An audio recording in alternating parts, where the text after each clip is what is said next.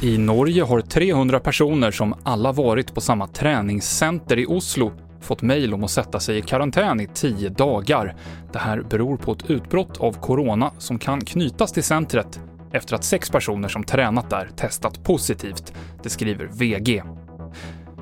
Besöksförbudet på äldreboenden kommer gälla minst september ut. Det är ett beslut som regeringen kommer ta imorgon. Samtidigt kommer Folkhälsomyndigheten och Socialstyrelsen få i uppdrag att utreda om besöksförbudet ska fortsätta gälla därefter eller om det går att ersätta med andra åtgärder. Och Facebook har spridit mycket desinformation under coronapandemin, enligt en rapport från aktivistnätverket Avas. Olika nätverk som sprider felaktig information om hälsofrågor hade en halv miljard visningar på Facebook i april, då utbrottet verkligen tog fart.